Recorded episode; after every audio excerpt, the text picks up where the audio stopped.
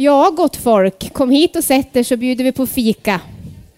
Eh, vi ska köra någonting helt nytt här idag i Hudiksvall. Vi ska köra en livepodd tillsammans med en kommunikationsguru som heter David G.P. Phillips. Välkommen hit. Tack. Eh, jag heter Ann-Sofie Lundvall och jag representerar Hälsinglands fastighetsbyrå och vi gör det här tillsammans med Sparbanken här, Anna-Karin, Hälsinglands Sparbank. Ja, hej hej. Jag fick Hej. lite instruktioner här med mikrofonteknik. Ja. Ja, nej, men jättekul att få vara med på det här. Vi provar och lär, det är så vi gör. Vi vill ju att vår centrumhandel ska växa, att det ska vara mycket folk på stan. Så att det här är en, en del i det. Och, och våra företag vill gärna ge tillbaka till bygden. Så nu försöker vi här med, med en jättetrevlig gäst som vi har. Som kommer från långväga. Du fick resa med plan idag. Ja, det fick jag. Var kommer du ifrån? Det var jättehärligt. Jag var i, eh, i Orlando i USA igår och föreläste. Mm. Och ska till Portugal imorgon. Så Oj. det är Hudiksvall i mitten. Ja. Ja. Har du varit här någon gång tidigare? Ja, absolut. Jag är uppvuxen här. Jag är liksom Edsbyn, men då har man varit i Hudik många gånger. Ja, du är hälsingepöjk. Mm. Ja, det är bra. Eh, vad, så då är din relation till Hälsingland att du är uppvuxen här såklart då? Ja, precis. Helt rätt. Ja. Mm. Anna-Karin? Ja, men eh, min mamma, hade, eller vad säger min mamma? min mans mamma. Eh, jag börjar om, uppenbarligen lite nervös. Ja. Min Eller- man hade din mamma. Nu har vi rätt ut släkt, släktträdet här. min man var hade din mamma eh, som lärare, Ja. eh, för han är från Edsbyn. Mm. Eh, så det var ju lite sån här kul eh, grej då, som, som vi upptäckte. Ja, Ja, men det. precis. Så han hade varit och lussat hemma, hemma hos er också. Mm. Och så råkar han kanske vara kusin eller tremänning med min bästa kompis i Edsbyn. Ja, Mm. precis. Och det är väl ungefär ni tre som fanns i Edsbyn, för Ja. det, det är inte så stort. Ja, men innan vi kommer in på, på din eh, fantastiska kompetens så är du också lite bandynörd som, som alla från Edsbyn är. Ja, alltså jag, jag kan eh, kika på derbyna och sådär. Kanske, och finalerna möjligtvis alltså, men nej. Men du håller väl på Edsbyn? Ja, absolut. Ja, ja Mm. precis. Ja, men det är bra. nörd skulle jag inte... Nej, men inte det är nörd. långt dit. Ja, det är lång Mm. tid, precis. Ja, ehm, jo, men du, du kallas ju bland annat för kommunikationsexpert, guru, sa, Mm. sa ju Ann-Sofie. Ja. Vilka här, brukar ja. kalla mig för guru. Ann-Sofie? Ja, jag kallar dig för jag tycker du är guru. Ja, jo men det, det tror jag. Ja, precis. Det är bra. Ja. Vi tar den. Både, både hört och läst. Ehm, där, just därför är det ju lite extra nervöst att intervjua någon som är Mm. så eh, kunnig på just kommunikation. Okej. Och vi ska prata lite mer om det en stund. Eh, men apropå det här med, med nörd, eh, Mm. bandy sa jag då, så skulle man kunna säga att du är lite nörd när det gäller hjärnan och så. Nu går, går det larm här. Ja, tveklöst. Ja, Mm. Absolut. för, men, men hur gick det till? Och jag förstår att det redan som ganska ung började du intressera dig av det här. Hur, hur gick det till? Berätta lite. Men jag tror faktiskt det var min mamma som liksom på något sätt kanske förstörde mitt liv. Fast förstörde gjorde hon ju inte. Hon, hon, hon bara vände på det. Det var din mamma, inte min och inte min, Min. mans. Och Definitivt min mamma. precis, ja. Kan jag tänka sig när man är vad är jag, 16 så kommer min mamma in med en bok, en sån här riktigt tjock bok. Och så säger han så bara, det här, den här boken, den borde du läsa David. Ja. Och jag var jättelydig. Ja, läste den från perm till perm. Boken hette Existentialismen av Jean-Paul Sartre. Vet, det är en tung tegelsten. Det är, Ja. man läser inte det när man är 16. Nej. Så jag vaknade upp dagen efter och tänkte så här, ja men allt är meningslöst. Det är vad varje mamma vill att ens barn Ja. verkligen ska tänka. Ja. Det finns ju inte någon poäng med Nej. livet överhuvudtaget. Sen landar det där lite mer någon vecka senare och så insåg jag så här att jag äger mitt eget öde.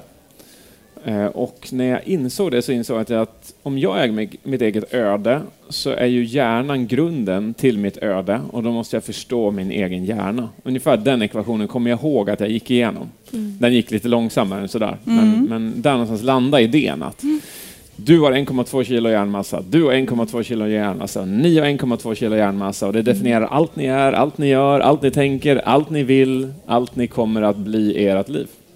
Och då kan det ju verka vettigt att man har koll på det.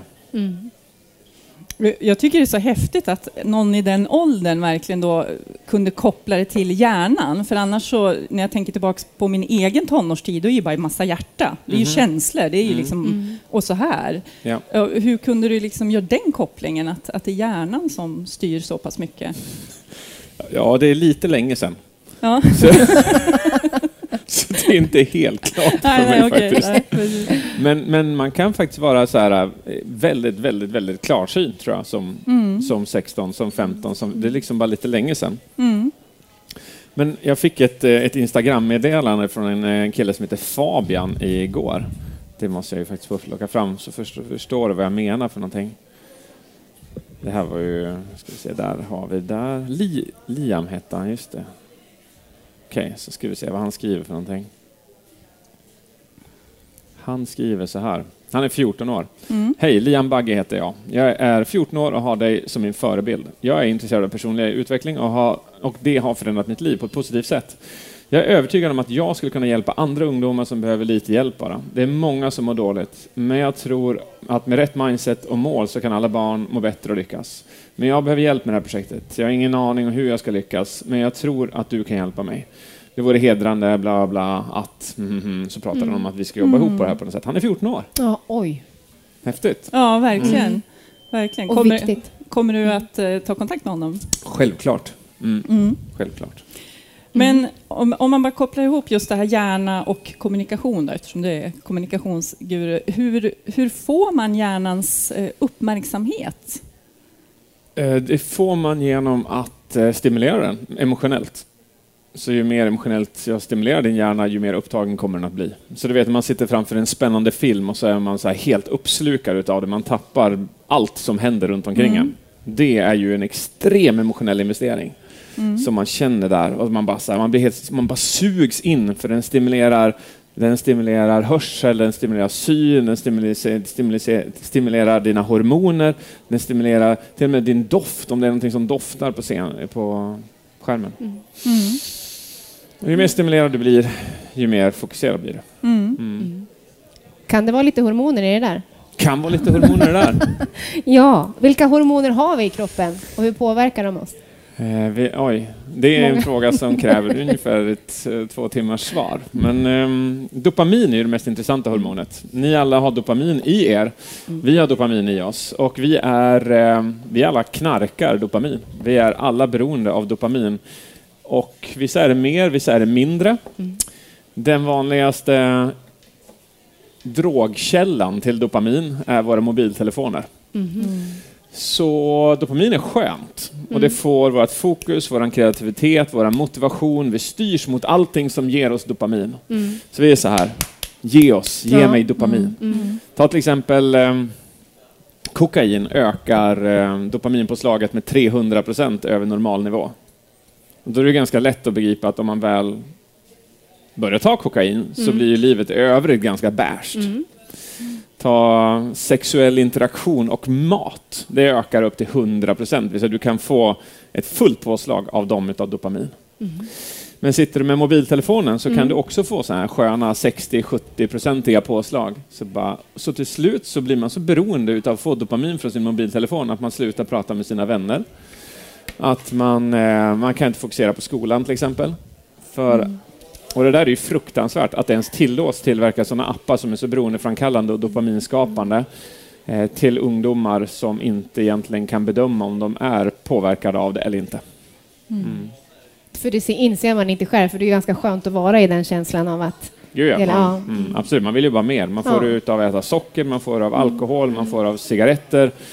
Man får det mesta som vi idag definierar som beroendeframkallande. Mm. Och det är ju även mobiltelefon, Netflix, Youtube, TikTok, eh, Instagram.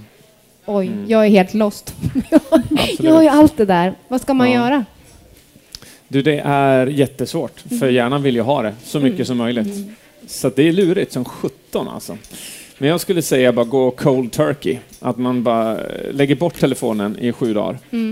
För då återhämtar sig dina receptorer i hjärnan. Så då behöver du inte lika mycket stimulans längre. Och då kommer du kunna skära ner 80 procent utan att du ens behöver bry dig. Mm. Men det är inte så lätt att säga det till sin ungdom hemma. Nej, gud nej. nej, Nej, nej. Det är en Nej. utmaning. Mm. Klarar du av det? Eh, nej, jag behöver begränsa min ungdom. Mm, ja, så att tydliga tider. Mm. Men däremot så har jag förklarat varför tiderna finns. Mm. Och då är det helt acceptabelt att det är så. Mm. Ja, han är 13 och eh, tycker det är helt okej med begränsad tid. Och med sen när man släpper på för mycket, Mm. kanske över jullovet, Ja. så kan han komma till mig och säga, vet du vad? nu har jag för mycket dopamin i blodet pappa. Han känner det? Mm. Oj. Ja. Självinsikt. Ja, det är bra. Du själv då? Kan du begränsa dig? Ja, men eh, det tycker jag. Gud, ja, absolut. Och jag, jag kör en par, tre sådana här cold turkeys per år. Mm. Så under vintern och under sommaren och under något lov sådär. Ja, så drar jag ner lite. Men jag eh, har kontakt med så otroligt många människor som är beroende av att jag är i kontakt med dem. Så att det, det är inte ett beroende så mycket, det är mer funktionellt. Ja, just det. Men istället för att bara, alltså, ja men då ska man ju ha den eh, självinsikten att jag kan köra cold turkey, jag lägger ifrån mig det, men kan jag ersätta det med något annat som är positivt istället? Mm, absolut, gud ja, det är ju det man mm, kan göra som ett alternativ. Så cold turkey är ju en grej. Men eftersom vi måste ha dopamin så kan man ju lika gärna få dopamin. Var fick man dopamin från förut? Ja, Jag brukar fråga så här, okej, så det du bör göra, det finns något som heter snabbt dopamin och långsamt dopamin. Så snabbt dopamin, det bara smäller så här. Och det är verkligen eh, mycket appar, tv-serier bygger på att få snabbt dopamin. Socker ger snabbt dopamin. Så om du är en ungdom och så sitter du så med de här TikTok, med YouTube och med Instagram och så plötsligt ska du gå in på en lektion så går det så här fort. Jag blir stressad. ja. Och den här, den här takten. Ja. Oh. Segt. ja, den är jobbig. är ju så jobbig, men den var inte jobbig. På 70-talet var den inte jobbig. Och all tid innan 70-talet var den inte jobbig. Men när tvn kom in och när reklam-tv kom in så blev det ett, eh, ett fokus på att tjäna mer och mer pengar. Om man tjänar mer och mer pengar på dig, ju mer man kan få din attention. Så därför så försöker man hela tiden bygga uppmärksamhet och dopamin för att fånga din uppmärksamhet och behålla dig, för då får man visa reklam och då tjänar man pengar. Så att vi manipuleras ju av systemet för att vara beroende av det. Så, men, eh, så när folk frågar mig, vad är långsamt dopamin då? Det här långsamma. Ja, då är det allting man gjorde, i stort sett innan 1984 eller när det var en reklam-tvn kom. Mm. Mm. Och det är innan de här ungdomarna ens var födda. Ja. Ja. Så vi läste, vi spelade brädspel, vi umgicks, vi hade hobby, hobbys. Hobbys. Hobbys är helt galet. Vet, man frågar folk idag, så här, har du en hobby?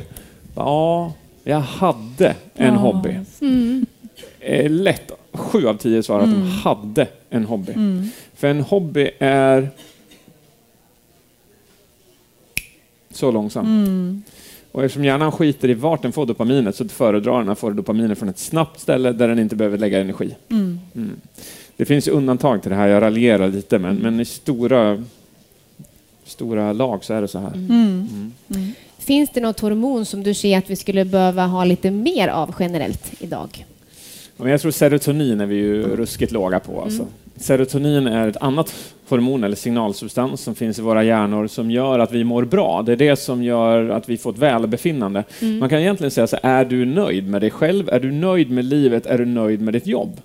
Och om man svarar ja på alla de tre frågorna så är man på en stabil nivå med serotonin. Men de flesta man frågar, är du nöjd med dig själv fullt ut? Så brukar det vara bara, ja, jag skulle vilja äga det där, jag skulle vilja ha det där, jag skulle vilja ha ett bättre jobb, jag skulle vilja tjäna mer pengar. Eh, Så man är helt enkelt inte nöjd. Nej. Nej. Och många går runt och är självkritiska. Det är det värsta man kan vara mot sin eget eh, välmående. Så man går runt och säger så här, men jag ser inte bra ut, jag tjänar inte tillräckligt mycket pengar, min kropp ser inte ut som jag vill att den ska göra. Eh, och såklart så visar då man upp reklamaffischer som visar så här ska man se ut och då gör man inte det så mår man dåligt av det. Eh, Och det här är jättetråkigt på, för ungdomar också eh, eftersom eh, stora delar av Instagram visar upp förebilder som är retuscherade. Och det är grymt svårt att veta om det är så eller inte, så vad ska man jämföra med? Och då blir man självkritisk mot sig själv för man ser inte ut, är eller beter sig som de personerna som på, på Instagram eller på Facebook. Herregud. Där är genomsnittsåldern mycket högre men vi fortsätter bara posta allting som är positivt i livet. Mm. Alla glada ögonblick. Vad kan man göra? Eh, självkärlek. Ja. Mm. Ja. Så istället för att man konsekvent går runt och kastar skit på sig själv här inne så säger man saker som att jag är fantastisk, jag är härlig, jag är underbar, jag ser bra ut, jag har bra idéer, jag har bra tankar, jag är omtänksam. Och är det någonting man vill ändra på så konstaterar man att det här skulle jag vilja ändra på, så ändrar man på det. Mm. Inte beklagas över att det här är ett problem och så beklagar man sig i all oändlighet över det. Nej, Det är bara att korrigera. Det finns något som heter neuroplasticitet i våra hjärnor som gör att man kan förändra sig själv när man vill, i vilken ålder som helst. Hur lång tid tar det? Mm, 68 veckor har man uppmätbara resultat rent neurologiskt. Mm.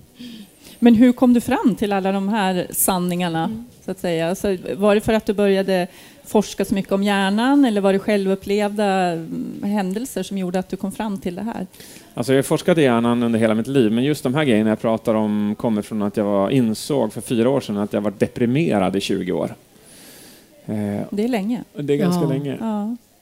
Så jag trodde det var helt normalt att gå och lägga sig på kvällen och, och eh, önska att man skulle inte behöva vakna. Jag trodde det var helt normalt att önska livet ur sig. Eh, Jag var, trodde det var helt normalt att det skulle vara så mörkt som det var. Men eh, jag insåg någonstans för fyra år sedan att det, det behövde inte vara så. Vad fick dig att inse det? Det var, jag var på väg, vi bor i, vi bor i Ramnäs utanför Västerås, och så har vi en kursgård där, så vi är på väg över bron till en annan kursgård. Jag och min fru, jag tror det är november.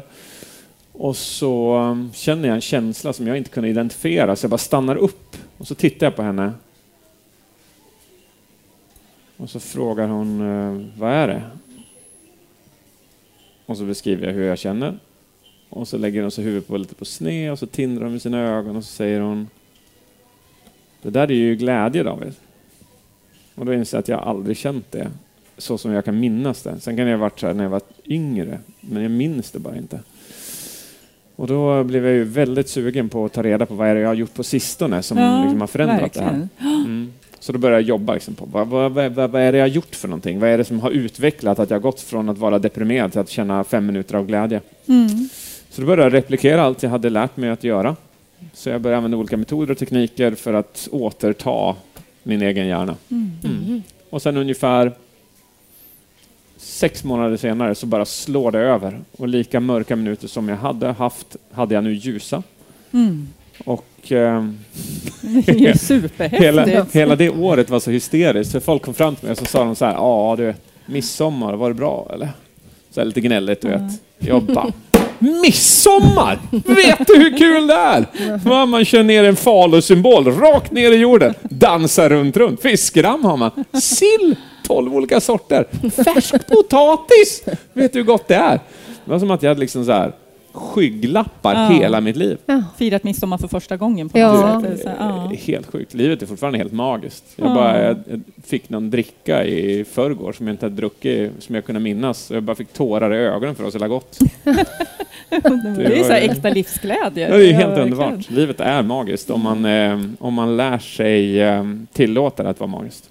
Men bara få fråga, som din fru och, och omgivningen, hade de också uppfattat dig som deprimerad eller var det du själv på, på insidan som Nej, men, eh, dig men jag var ganska hotfull uppfattade människor mig som. Ja, jag okej. log ju inte, jag såg ju såhär stoneface. Ja, Och så var jag allmänt brysk. Jag hade... Någonstans gick jag in i mitt Google Photos så har jag typ någonstans runt 3000 bilder på mig själv där som människor har tagit, som är indexerade så jag kan se alla bilder på mig själv. mm. Och innan dessa fyra år så hittade jag i stort sett inga genuina leenden. Mm. Ever. Nej, Det är ju inte kul att umgås med en sån människa. Nej. Nej. Men jag kan presentationsteknik. Jag är en kommunikationsnörd och Ja. guru. Ja. Det innebär att jag kan spela ganska bra. Mm, Så när jag behövde det. gå på scenen och hålla presentationer och utbildningar så kunde jag fortfarande lysa som en sol. Mm. Men innerst inne, innerst inne var det ju fake. Mm. Men nu lyser det hela vägen. Ja. Ja. Känner du skillnad nu då när du ska upp och presentera och du är genuint glad som du säger? Ja, ja. Ja. Mm. Mm. Det går inte att jämföra. Nej. Nej. Du, vad är kommunikation för dig? Eh, Det finns två versioner av kommunikation. Extern kommunikation, det man eh, säger till andra, det vi gör just nu, och intern kommunikation, det man säger till sig själv. Mm. Så egentligen, ja, att göra sig förstådd för antingen sig själv eller för andra människor. Mm. Mm. Det är när man är bra på båda dem som man eh, kan regera. Kan Regera. regera, Äga. äga. Mm. Mm. Ja, men för, eh, regera är ett bra ord eller Mm. uttryck för, för kommunikation är väl också ganska mycket makt om man kan använda den på, på rätt sätt. Det är nog den ultimata makten. Ja. Därför så bör man eh, verkligen ta hänsyn till hur man använder det. Ja. Mm. Mm. Går det att säga att det finns bra och dålig kommunikation eller är det att förenkla det hela? Nej, absolut. Ja. Mm. Ehm, För jag har ju läst, eller det är väl ganska allmänt känt kanske också, jag vet inte, men att eh, det, människor, det många människor fruktar mer än döden är just att stå och prata in, Ja. inför andra. Mm. Va- Varför är det så? Ja, det kan man fråga sig. Den där, den där studien är ju felciterad. Det är ingen som någonsin har gjort en sån studie, utan det, är hit- det var någon, Det någon sån. Men eh, å andra sidan så är det verkligen så här att vart jag än är i världen, nu är jag inte så mycket i Asien, Mm. men jag är väldigt mycket i USA, Europa och då och då i Ryssland. Eh, och vi är det mest nervösa folkslaget i hela världen. Eh, Svenskar? Ja. Oj, ja, okej. Norrmännen kommer på en tight tvåa, Jaha, danskarna är inte riktigt med i samma liga. nej. Amerikaner vet inte ens vad det betyder för någonting. Så bara, nervositet, vad är det för någonting? Du menar upphetsning? ja, det är det jag menar. Men du Ja. menar nervös just för att prata inför andra? Ja. Eller? Ja. Ja. Ja. Mm.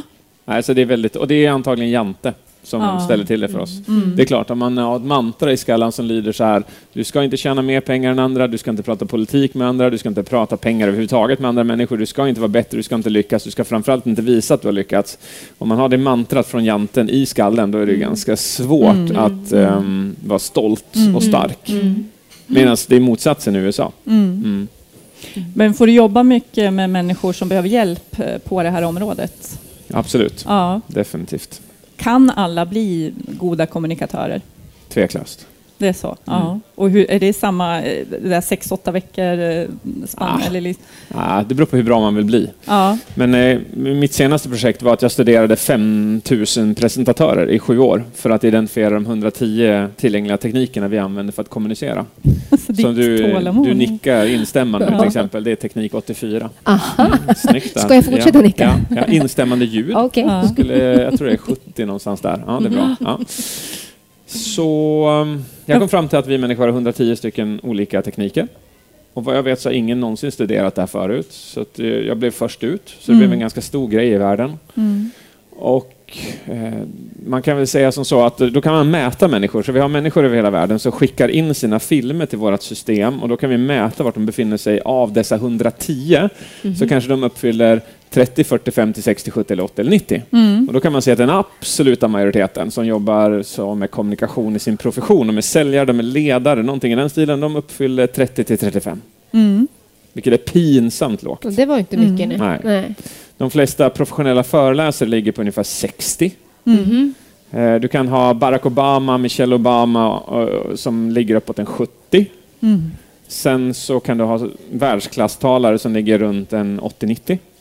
Och ska du högre upp än så så kommer du upp till de världens bästa ståuppkomiker. De ligger på en 100-105.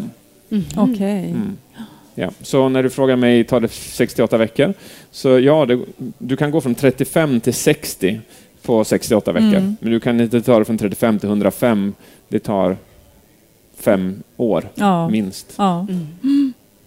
Träning, träning. Check. Ja. Mm.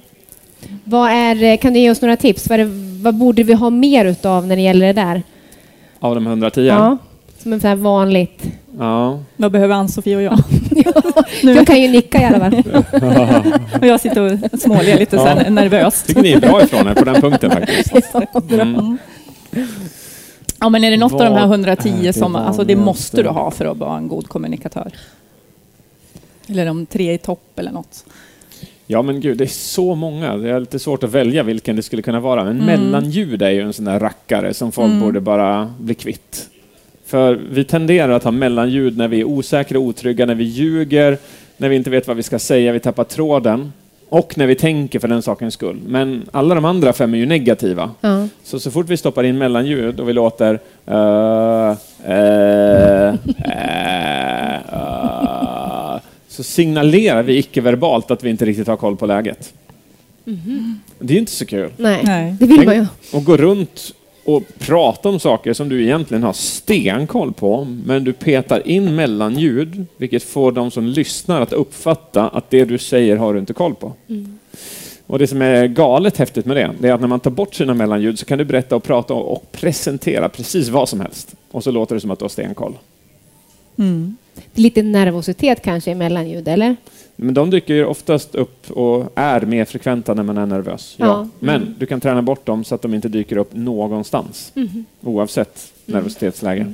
Jo, men för jag sitter ju och iakttar och lyssnar på dig nu, för du, du har ju inte fått våra frågor i förväg. Det här är ju på, på uppstuds. Mm. Och, och det är ju inte ett enda mellanljud, Nej. fastän du inte vet vad du ska få för fråga. Utan du be, möjligen att du är tyst en stund, men det är ju, bara, det är ju säkert en medveten eh, strategi det också i kommunikation. Mm. Men är det här någonting du har tränat väldigt hårt på? Sitter du nu och tänker också jag ska inte göra mellanljud, jag ska inte göra mellanljud, eller det är bara naturligt för dig? Ah, att, eh, nej, så är det inte. Nej, Ja, nej, men det är fullt naturligt för mig att inte ha mellanljud. men det måste du ha tränat på. Det är klart, eh, man måste ganska- träna på alla dessa 110. Jag gjorde så här att jag tittade på de 110 och så tänkte jag, det där kan jag det? Nej, så då tränar jag på det. Det där kan jag det? Nej, då tränar jag på det. Mm. Och sen så tränar jag systematiskt så att jag hade koll på alla. Inte på en 110-nivå, men ändå. Mm. Men vart ligger du då, jämfört med de här Ja, bästa det, är min, det är mina kollegor som brukar mäta mig och då brukar jag snitta på 80 och ha maxat ut på 95 vid något tillfälle. Andreas nickar här. Och, Det, det är bra, riktigt ja, bra. Ja, det är väldigt Ja. högt. Ja, Det är väldigt högt. ja. Då ska vi komma över fem. Ja, då är jag nöjd. Så känns det ju nu. Men du har ju gått utbildning Ja, precis. Jag gick ju en kurs som du har som heter Wow, eh, en helg. Just det. Ja, fantastiskt spännande och intressant. Hur kom du på den där utbildningen? Den kom från min depression.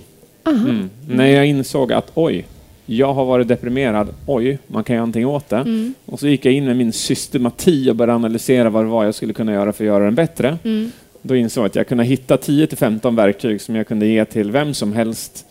Och om de använde sig av dem så skulle de kunna hitta grundglädje i livet. Ja. Berätta om utbildningen. Det finns undantag på det också. Om du är djupt deprimerad till exempel så gäller inte det. Men är du medel eller lätt deprimerad, då kan du hitta en grundglädje. Och vem som helst som är glad idag Mm. kan alltid maximera sitt liv till nya nivåer. Mm. Mm. Det, det verkar som att det finns, det finns inget slut. Mm. Det, det är galet. Vet, Jag får helt ärligt jag får gåshud någonstans mellan 10 till 20 gånger per dag. För att jag har Oj. tränat mina hormoner till att vara så receptiva. Så till exempel när jag doftar en god doft så kan jag få gåshud av det. Och man får gåshud när man får överslag i sina glädjehormoner. Mhm. Det är hormoner man lär sig på kursen. Ja. Ja. Var det en wow-känsla? Det var en voucher. Jag har gått mycket kurser. Man brukar ju komma hem och säga nu har jag gått en kurs. nu ska jag lära alla andra. Men vad lärde du dig? Ja, då? men eh, jag har ju inte tränat så där efteråt. Det är det jag måste göra nu, David. Men för mig var det, man hamnar ju i någon sorts rus. Mm. Så upplevde jag det, som höll i kanske en till två veckor efteråt. Så man var ju, allting var så lätt. Mhm. Och man var glad och lugn. ja. Ja. Men får man då verktyg att kunna hitta tillbaka till det där ruset, tänker jag? Om, om du, du säger ju själv träna. ja. Ja. Vi, fick, vi fick ju verktyg Mm. för det här på kursen också. Absolut, hur man kan ja. träna på Mm. det. Men nu blir det ju så här, att träna på saker, mm, det ligger ju inte alltid för människor. Men det vi kommer att göra nu i år, det är att vi släpper en helt ny plattform på mobiltelefonen som kommer vara din mentala tränare Mhm. i de här grejerna. Mm. Så då kan man i stort sett få tips här. Idag så ska vi träna serotonin. Mhm. Vänligen dofta på tio olika saker. Ungefär så, fast lite mer seriöst kanske. Det men, låter ju- men åt det hållet. Ja, så då får man hela tiden systematiskt träna sina Ja, hormoner, sina sanningar, sina fokusfrågor, sitt kroppsspråk, sina ansiktsuttryck, sina leenden. Och då får man välja vad det är man vill träna på, vilken profil det är man vill öka. Mm. För de som sitter här till exempel, de har olika typer av profiler. Vissa är låga på dopamin, vissa är låga på serotonin, vissa är låga på oxytocin, vissa är höga på serotonin, vissa är höga på dopamin. Så då får man först profilera, vad är det de behöver? Och sen så får man en, en mobiltränare som tränar upp de delarna i hjärnan. Så det blir på något sätt individuellt anpassat Absolut. eh, på, på det Mm. viset? Mm. Så det tror jag blir, eh, det blir revolutionerande för kursen. Mm. Den ska jag ladda ner. Boom yeah! Men, för jag funderar lite, det är ju väldigt eh, in eller aktuellt om man säger med olika typer av eh, ledarskapsutbildningar och ledarskapsböcker och så vidare. Men du pratar ju mycket om självledarskap. Är Mm. det här en sorts självledarskap? Ja, men det tycker jag. jag Ja. Absolut, det är det. Mm. Min tes är så här att du kan egentligen aldrig leda en annan människa fullt ut förrän du kan leda dig själv. Mm. Inte ens som förälder. Alltså om du som förälder kan leda dig själv fullt ut så är du en förebild. Och då kan du leda andra. Mm. Om du kan leda dig själv så följer människor dig för att de vill, inte för att de måste. Men hur vet jag vad jag behöver leda mig själv i? Du behöver någon form av profilering. Mm. Och det behöver jag hjälp med? Det då, behöver hjälp med. Ja. Mm. Men på den här kursen så får man ju reda på vart man befinner sig. Det var ganska tydligt det. Och jag har ju gått mycket ledarskapskurser och det här var ju någonting helt annat. Just det här med kopplingen till hormonerna som var så spännande. För att eh, vi lär oss ju att få verktyg på andra typer av kurser men här var någonting helt nytt. Mm. Så jag har ju försökt hemma vid Ja. på mitt lilla sätt. Eh, och det är något nytt Mm. Eh, som känns jättespännande Mm. som, som du har. Mm. Mm. Du pratar ju bland annat också, vet jag, om, om The Angels and Devils Cocktail. Mm. Vad är det för någonting? Låter väldigt smarrigt eller läskigt. Det är bara mina analogier för vad det är, vilka hormoner du ska peta i dig. Okej. Så säger man så här att man petar i sig en cocktail, en Angels cocktail Mm. med serotonin, dopamin, oxytocin, endorfin, dopamin, lite testosteron så kommer livet vara magiskt. Men om du samtidigt istället tar den här som heter en Devil's cocktail som är 50% adrenalin och 50% kortisol Mm. så kommer livet vara skit. Eh, och de flesta petar i sig den här. Okej. För fokus ligger mycket i att stressa sig igenom sina dagar Mm. och kritisera antingen sig själv eller allting som Mm. finns runt omkring. Och kanske mata sig själv med nyheter i Aftonbladet, Expressen, Mm. där man garanterat bara kommer få uppleva extrem negatis- negativism. Men då är jag alltså min egen bartender. Jag, jag egen blandar bartender, med, ja. okej. Mm. Ehm, och var hittar jag då receptet på Angels cocktail? Ja, Det är ikväll det så ska vi prata om det här. Ja, Mm. Va- Vart ska vi vara? Mm. på Högliden. Hög, Högliden. högliden. Högliden. Okej, så då Ja. kör, vi, då kör vi en två timmars föreläsning på det här. Bra. Mm. Då kommer jag få mitt eh, recept. Check. Ja. kommer gå på moln imorgon då. Ja. ja, det vill jag jättegärna göra. Verkligen. Du vill ju, om man går till det här med just föreläsning vi ska ha ikväll, så sa du när jag var på kurs med dig att du vill ju erbjuda lärare eh, gratis utbildning i eh, kommunikation Ja, eh, för våra barns skull. ja. Berätta lite hur du tänker där. Jag tänker att kommunikation är den största segregeringen på planeten. Mm. För om du är bra på att kommunicera så får du bättre jobb, du bor bättre, du tjänar mer, du har bättre relationer, du är mer sannolikt gift än skild för många gånger. Du har en bättre relation med dina barn, med dina vänner och med dig själv. Du har ett bättre psykologiskt mående. Den som kan kommunicera har extrema fördelar framför de som inte kan kommunicera. Mm. Och det där tycker jag är orättvist, för alla, borde, alla har förutsättningar att kunna kommunicera. Mm. Så jag bygger just nu en plattform som heter jpuniversity.com som säljs till företag runt om i hela världen. Den är stekhet i Pakistan, Indien, Sydafrika, Kanada och Belgien just nu. Jaha, Så det är mina största marknader. Mm. Men eh, min idé är då att ta den plattformen som för Mm. företag kostar pengar Mm. och erbjuda den kostnadsfritt till alla världens Mm. ungdomar mellan 15 och 18 års ålder. Mm. Så om man är mellan 15 och 18 så kan man registrera sig på den här, gå in och lära sig allting som finns i plattformen. Mm. Redan nu? Eh, det man- kommer att komma. Ja. Vi är ute och kör piloter nu. Mm. Så i Lidköping på De la Gardie-skolan så har vi vår första pilot för ett tredje ring-gymnasium. Och det är helt sanslöst vilket resultat det är.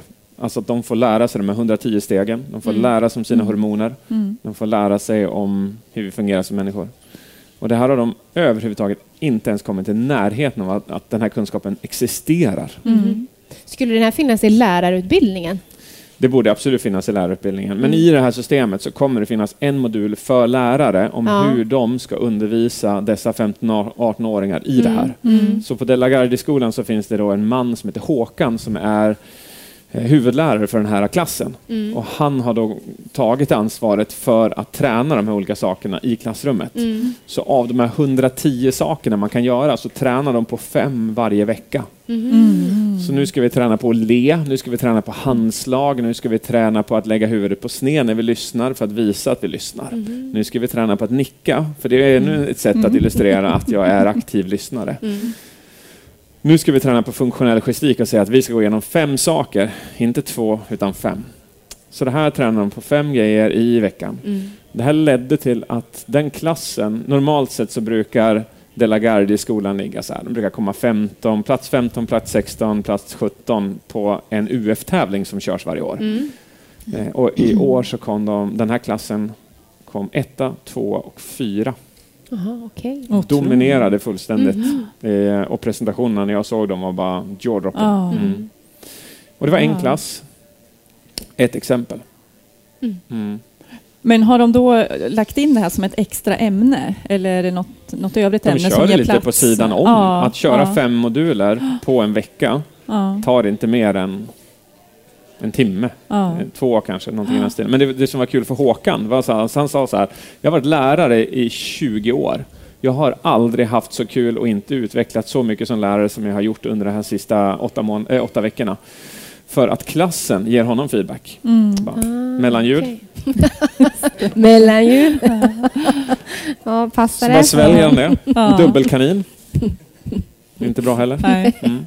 Så han får feedback. Så han sa själv att han utvecklats jättemycket Ja. i sin leveransteknik. Mm.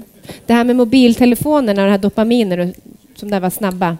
Vad, vad Mm. kan man som lärare göra där? Man tänker när eleverna kommer till klassrummet och det är här sakta. Alltså Finns det, det är, teknik- det är ju fruktansvärt oschysst mot hela lärarbranschen, det som har uppstått. Ja. Så det finns två lösningar. Antingen så går man in på regeringsnivå Mhm. och sen så förbjuder man alla appar som producerar en viss mängd dopamin till alla som är under 16 år gamla. Det är okej. ena lösningen. Mm. Eller så ger man lärarna förutsättningar att kunna skapa dopamin i klassrummet. Något av dem. Men man kan inte fortsätta som man gör. Hur kan man skapa dopamin? Så hur, skap, hur skapar Ja. man dopamin i klassrummet? Det finns jättemånga olika sätt. Jag har, när jag undervisar så har jag 140 olika tekniker på Mm. hur man skapar dopamin. Så ikväll när jag föreläser så kommer du se mig använda mig av ungefär 60 stycken av dem från scenen Mhm. för att hela tiden trollbinda publiken. Men att ta ett av dessa, då, många, många, många exempel, det är storytelling. Att berätta berättelser. Mm. Mm. När du berättar berättelser så skapar naturligt dopamin. Så det är ett sätt att skapa det på. Mm. Göra det intressant. Storytelling. Storytelling jag skapar dopamin. Dopamin Mm. är attraherande. Då Mm. vill man ha mer utav det. Mm. Men kan man då som lärare säga att jag är mattelärare? Det, det är ju väldigt liksom eh, kliniskt och, och, och siffror. Men kan Mm. jag blanda in storytelling i ett sådant ämne till exempel? Absolut, det Ja. kan du göra. Definitivt. Det borde ju ingå i lärarutbildningen. Ja, och verkligen. pedagogiskt. De är inte jättepigga på att ta in mig där, men Är de inte? jag har försökt. Jag har försökt ta mig in via eh, Lärarförbundet. Jag har försökt ta mig in eh, på regeringsnivå via Gustaf Mm. Fridolin. Eh, jag har försökt via andra kontakter, men det är orubbbart. Varför? Ja, faktiskt. Säger det. Varför? Men jag skiter i det. Ja. Så då la jag ner det. Och så Mm. tänkte jag så här, vet du vad? Då bygger jag en global plattform, JP University, som dominerar den här genren. Mm. Och sen så skapar jag bevisföring på att det är extremt Mm. framgångsrikt. Så kommer det att lösa problemet i längden. heja säger Ja, jag. heja. Kan vi hjälpa till? Absolut. Ja. Vi, vi kommer lansera projektet fullt ut eh, om mm, ungefär 18, veck- 18 månader. Just nu så är det fortsatt utveckling utav plattformen Mm. för att den ska kunna fungera. Mm. Du har en del att göra du, tänker jag. Jättemycket. Ja. Mm. Tar, Ja. du, ja, tar du igen det någon gång? Eh, absolut, jag är Ja. bra på att eh, själv ja, Ja. Sova hyfsat bra. Ja. Jag tänker, du har ju sån otrolig kunskap om, om hjärnan, är min Mm. uppfattning i alla fall. Och vad jag förstår liksom, forskar och, och kan mycket om det. Har du, har du aldrig velat bli hjärnforskare eller läkare eller någonting liksom mer med det fysiska med hjärnan istället? Nej, jag, jag, jag ser inte att jag skulle kunna göra de förändringarna som jag skulle vilja göra som forskare. Nej, förmodligen Utan- inte. nej. nej. Jag tar studierna, jag tar resultaten, jag omsätter det till hur man praktiskt kan omsätta det och sen så ger jag det till människor. Mm. Mm. Och då kan jag göra det i så många, många, många mycket, mycket större volymer. Mm. Ta mitt, mitt andra TED-talk som nu har setts av två miljoner människor. Där får jag varenda dag in meddelanden från människor över hela världen som beskriver, fast det handlar om storytelling, Mm. så har det förändrat deras liv. Jag har sett det. För ehm, det påverkar, man lär sig om de här hormonerna på 18 minuter. Mm. Och att- att nå två miljoner människor, det är ju Mm. så häftigt. Mm. Mm. Och TED Talks fick, finns på Youtube, eller hur? Så det är Mm. bara att Ja, de googla kan ni se, ni som ja, sitter här. Googla. Mm. Googla. Ja, googla, ja. precis. Mm. Är det lättare att nå kvinnor eller män med dina budskap eller är intresset lika stort oavsett kön? Ja, det spelar ingen roll. Nej, hugget som stucket, ja precis. Ja. Mm. Jag tänk, du, du spinner ju ganska eh, brett, eh, med, och, speciellt inom kommunikationen och sådär. Men eh, jag har ju gått kurs hos din kollega Andreas som Mm. också sitter här och, och då var en del var ju också Powerpoint-döden. Mm. Och det, är ju, det är ju kommunikation i allra högsta grad idag, för det är Mm. ju knappt någon som kommunicerar utan Powerpoint Nej, överhuvudtaget. Men. Mm. men eh, hur, hur kom du på det där eh, och liksom vad är nyckeln? Eh, för jag har ju upptäckt ju på en gång alla mina fel jag gör och liksom Mm. med, med bilder. Men Mm. hur, hur hittade du det här? Hade du suttit på en massa Alltså, olika jag, presentationer? jag, jag får uppenbarligen mycket inspiration från, inspiration från skolan. För jag Ja. satt på ett, ett föräldramöte med Anton när han var åtta, nio. Och läraren kommer in väldigt stel, uppenbart nervös. Drar på en powerpoint med vit bakgrund, våldsamt mycket svart och liten text. Mm. Släcker lokalen, ställer sig utom synhåll med en laserpekare, pratar monotont med låg volym och yrar runt med den där på powerpointen. Och jag svär att det kändes som att hela jag skulle lösas upp i atomer. Ja. Jag hade sån ångest och panik i hela min kropp så att gick, och, och någonstans tänkte jag så här. Om jag får 40 minuter av det här och jag kan inte uthärda fyra utav dem. Om någon gång mitt barn utsätts för det här dagligen, det var i alla fall min, liksom, min, Mm. min visualisering i huvudet, så kan inte låta det här fortsätta. Så då skapar jag den föreläsningen som heter How to avoid death by PowerPoint. Mm. Hur man undviker PowerPoint-döden. Och det är min absolut största kioskvältare. Den har jag varit över Mm. halva, ja, i stort hela världen och Mm. föreläst Mm. om. Mm. Är, är behovet detsamma i alla länder Ja. där? Ja. Ja, nej, det är större i vissa. Ja. Mm. Ja. Återkopplade du till läraren någon gång? Till den här specifika läraren, nej det gjorde jag Nej, inte. nej. Nej. De Nej. kanske har uppfattat ändå att den Jag tror jag rår på det nu faktiskt. Ja, Mm. ja, precis. Men vad är det, nu gav du exempel på hur han gjorde, men generellt, vad är det allra största felet vi gör då när vi gör PowerPoint-presentationer? Det är att vi tror att det är presentationen. Mm. Mm. Du är alltid presentationen. Det du Mm. säger, det du gör, det du visar, det är alltid presentationen. Mm. Det är bara ett visuellt hjälpmedel som ska lite, ge lite understöd. Mm. Lite grann bara, på Mm. kanten, på sidan. Går det att säga att en presentation ska vara minst eller max så här många bilder? Eller liksom beror, det beror på budskapet? Ja, Det är ungefär som att säga att en bok ska ha ett visst antal Ja. sidor. jag förstår. Mm. Mm. Ja, man tänker Yes. man är ju lite nervös. Det är ofta så, de, de gångerna man har de här bilderna för det stöttar ju upp en liksom. Mm. Men det är kanske där man behöver träna på då. För Ja. att det blir det man säger själv. Men det blir bara värre, vet du. Så kör man en skitdålig powerpoint så somnar de som sitter och lyssnar. Ja. Och då blir man man ju inte bättre av Nej. det. Nej. Nej. så då blir Nej. man ju mer nervös. Mm. Ja, så då tänker man lösning på det. Det är fler slides och mer information per slide nästa gång. Ja. Det kör vi Mm. inte då. Ja, Ja, vad har du på gång under 2020 mer då? Eh, oj, det är så absurt mycket så att det är svårt att sammanfatta. Men det absolut mest intressanta är att vi lanserar JP University 4 mars på Ja. Oscarsteatern i Stockholm. Mm. Så då har vi hyrt den och så bjuder vi in tusen personer och så blir det en lanseringsfest. Det är stort. Och sen så blir det en par turnéer med Wow. Mm. Så det är också väldigt stort. Vi ska göra en storytelling-turné, så vi ska ta en bil och stripa den Mhm. eh, med the last generation of storytellers.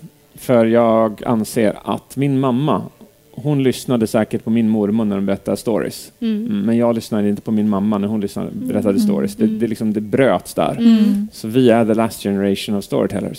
Så då ska vi åka runt på, i Europa på till exempel Auschwitz och dylika platser för att sprida stories om viktiga historiska platser i Europa. Mhm. Eh, Så ska vi sprida storytelling på det sättet och då också åka till skolor och hålla föreläsningar om vad storytelling är och s- ge det nytt fyr. Mm. Men man kan bara säga så här, för eh, 12 månader sedan så var vi fem personer i mitt företag. Nu är vi 13. Oj. Vi kommer rätt vara 20 innan årets slut. Mm. Mm. Så, och därefter så kommer det bara dubbla tror jag varenda år efter det. Mm. Eh, Det är ju...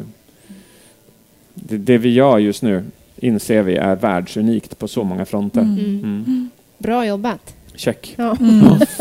Nej, det, jag, jag känner, åh, det är så spännande. Det är ju, vi skulle egentligen kunna ha hun- hundra frågor, men Ja. eh, vi får ju svar på lite mer ikväll då kanske.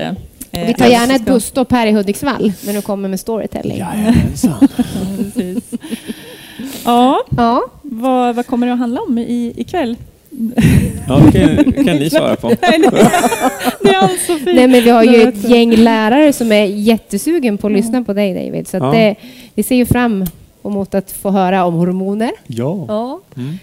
Eh, vad du tycker att lärare kan lära sig Mm. och hjälpa elever på Yes. ett bra sätt i skolan. Så att vi har eh, cirka 200 stycken som kommer från lärarkåren och lyssnar ikväll. Mm. Mm. Och sen lite andra. Lite annat folk andra också. gäster, Ja, precis. Ja. Ska du pumpa upp några hormoner i oss nu då innan vi avslutar här eller? Vad är grandfinale? Tycker jag jag. Jag hade ingen sån plan. Jag tror faktiskt att det brukar vara ert jobb. Ja, Jaha, det tror okej. jag. Precis. ja, det är bra. Nej, men jag känner att jag har fått väldigt mycket positiva hormoner och eh, mycket idéer och inspiration. Mm. Ja. Eh, och Mm. jag, vill, jag vill ju också gå den här wow, känner Mm, jag. det ska du göra. Och jag Ja. får väl gå den här presentationstekniken. Ja. Mm. Mm. Och så skulle jag vilja vara en av de här eleverna i den här skolan. Men Mm. det kan ju vara svårare. Men, ja, det kan eh, vara lite lurigt. Ja, men det kanske går att komma åt det där ändå. Sen Gud, ja, på något absolut. sätt. Ja, Mm. precis. Definitivt. Har, vi, har vi någon eh, fråga från publiken innan vi avrundar? Någon som sitter och klämmer på något? Har ni någon fråga? Ja, TED Talks. Ja, ja eh, på Youtube. Det är bara att skriva TED Talks. Ja. Ja. Och skriver man ditt namn då kanske så. Ja, det måste stå i mitt namn någonstans, eller? Jag tycker Nej. jag satt massa lappar där borta i Här alla fall. Där. Ja. David G.P. Phillips. Ja, du kan få det, den där. Mm, ta med hela. Ja. Mm. Mm. Nej, men, eh, Ja. Väldigt stort tack för att vi Mm. fick passa på och eh, intervjua dig och Ja. Ja. testa något nytt. Absolut. Livepodd. Vi har Mm. faktiskt fått en till gäst redan nästa vecka. Då ska vi intervjua Magdalena Forsberg. Nice! Ja, det här är ju så det är- ert första avsnitt också. Ja, det jag är tycker det. ni skötte er grymt bra. Ja. Och kanske behöver lite coachning av Ja, mig. Ja, precis. Vi kan ja. få det så. Ja. Ja, nej, men stort tack. Okej, Mm. tack så mycket. Tack snälla. Applåd. Ja.